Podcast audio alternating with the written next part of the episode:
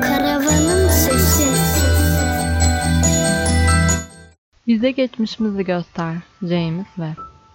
Klasik bir soruyla başlayalım. Elinizde bir zaman makinesi olsa, geçmişe mi yoksa geleceğe mi gitmek istersiniz?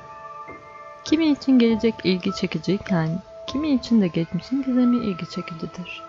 Benim tercih hakkım olsa sanırım geçmişe gitmek isterdim. Geleceğin bilinmezliğinden çok geçmişin gizemini tercih ederdim yani.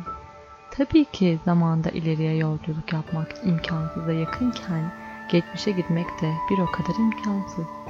Yine de insanoğlunun içindeki merak duygusu ile geçmişe gidemem ama gözlemleyebilirim düşüncesinin bir sonucu olarak yıllardır yeryüzünün bazı noktalarına devasa teleskoplar yerleştirildi.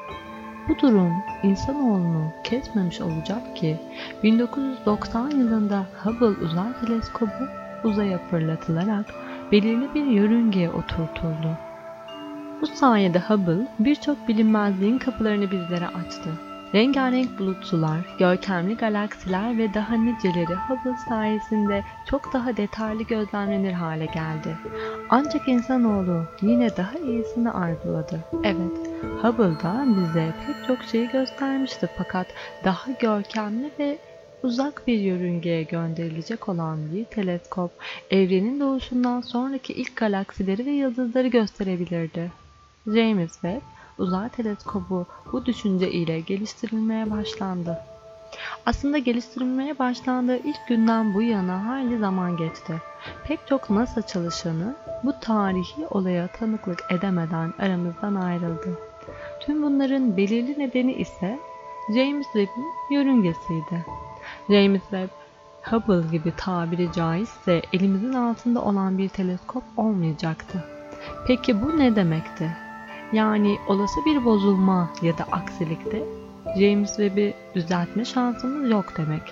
Hubble fırlatıldıktan kısa bir süre sonra bazı arıza bildirimleri vermişti. Bunu gidermek ve çözüme kavuşturmak adına NASA tarafından teleskoba astronotlar yollanmış ve gerekli arızayı kontrol altına almışlardı. Şimdi aynı şeyi James Webb için düşünelim. Hubble'dan kilometrelerce uzakta konumlandırılan bu devasa teleskoba ulaşmak, onu fırlatmaktan daha maliyetli ve zor bir iş.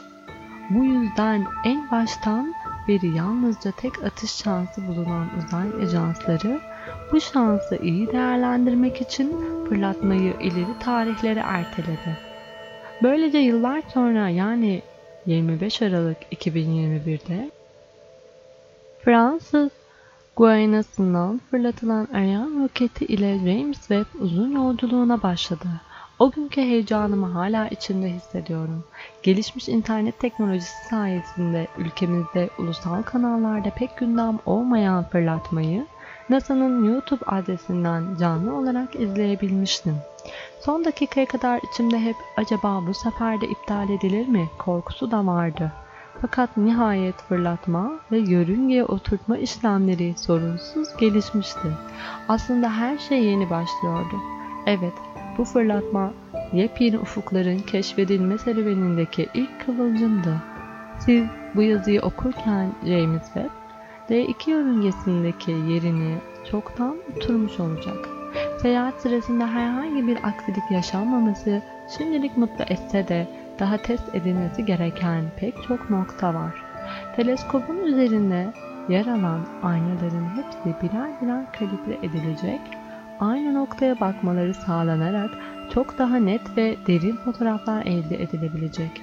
Geçtiğimiz günlerde ilk fotoğraf gelse de bu henüz deneme aşamasında olan tek tek aynalardan alınan görüntünün birleşmesiyle elde edilmiş bir görüntü sadece. Yani görsel olarak bizi tatmin etmese de şu an için her şeyin yolunda olduğunu anlamamızı sağlaması açısından çok önemli. Artık James Webb'den ilk profesyonel görüntülerin gelmesi için gün sayıyorum. Bu o kadar kolay olabilecek bir durum değil maalesef. Yaz aylarına kadar dişimizi biraz daha sıkarsak test aşamalarının sorunsuz bir şekilde tamamlanmasını bekleyeceğiz. Sonrasında ise evrenin sonsuz derinliğinde yapacağımız keşiflerle Belki de bilim tarihi için çok önemli gelişmelere hep birlikte tanıklık edeceğiz. Kim bilir belki de bizden çok uzaklarda.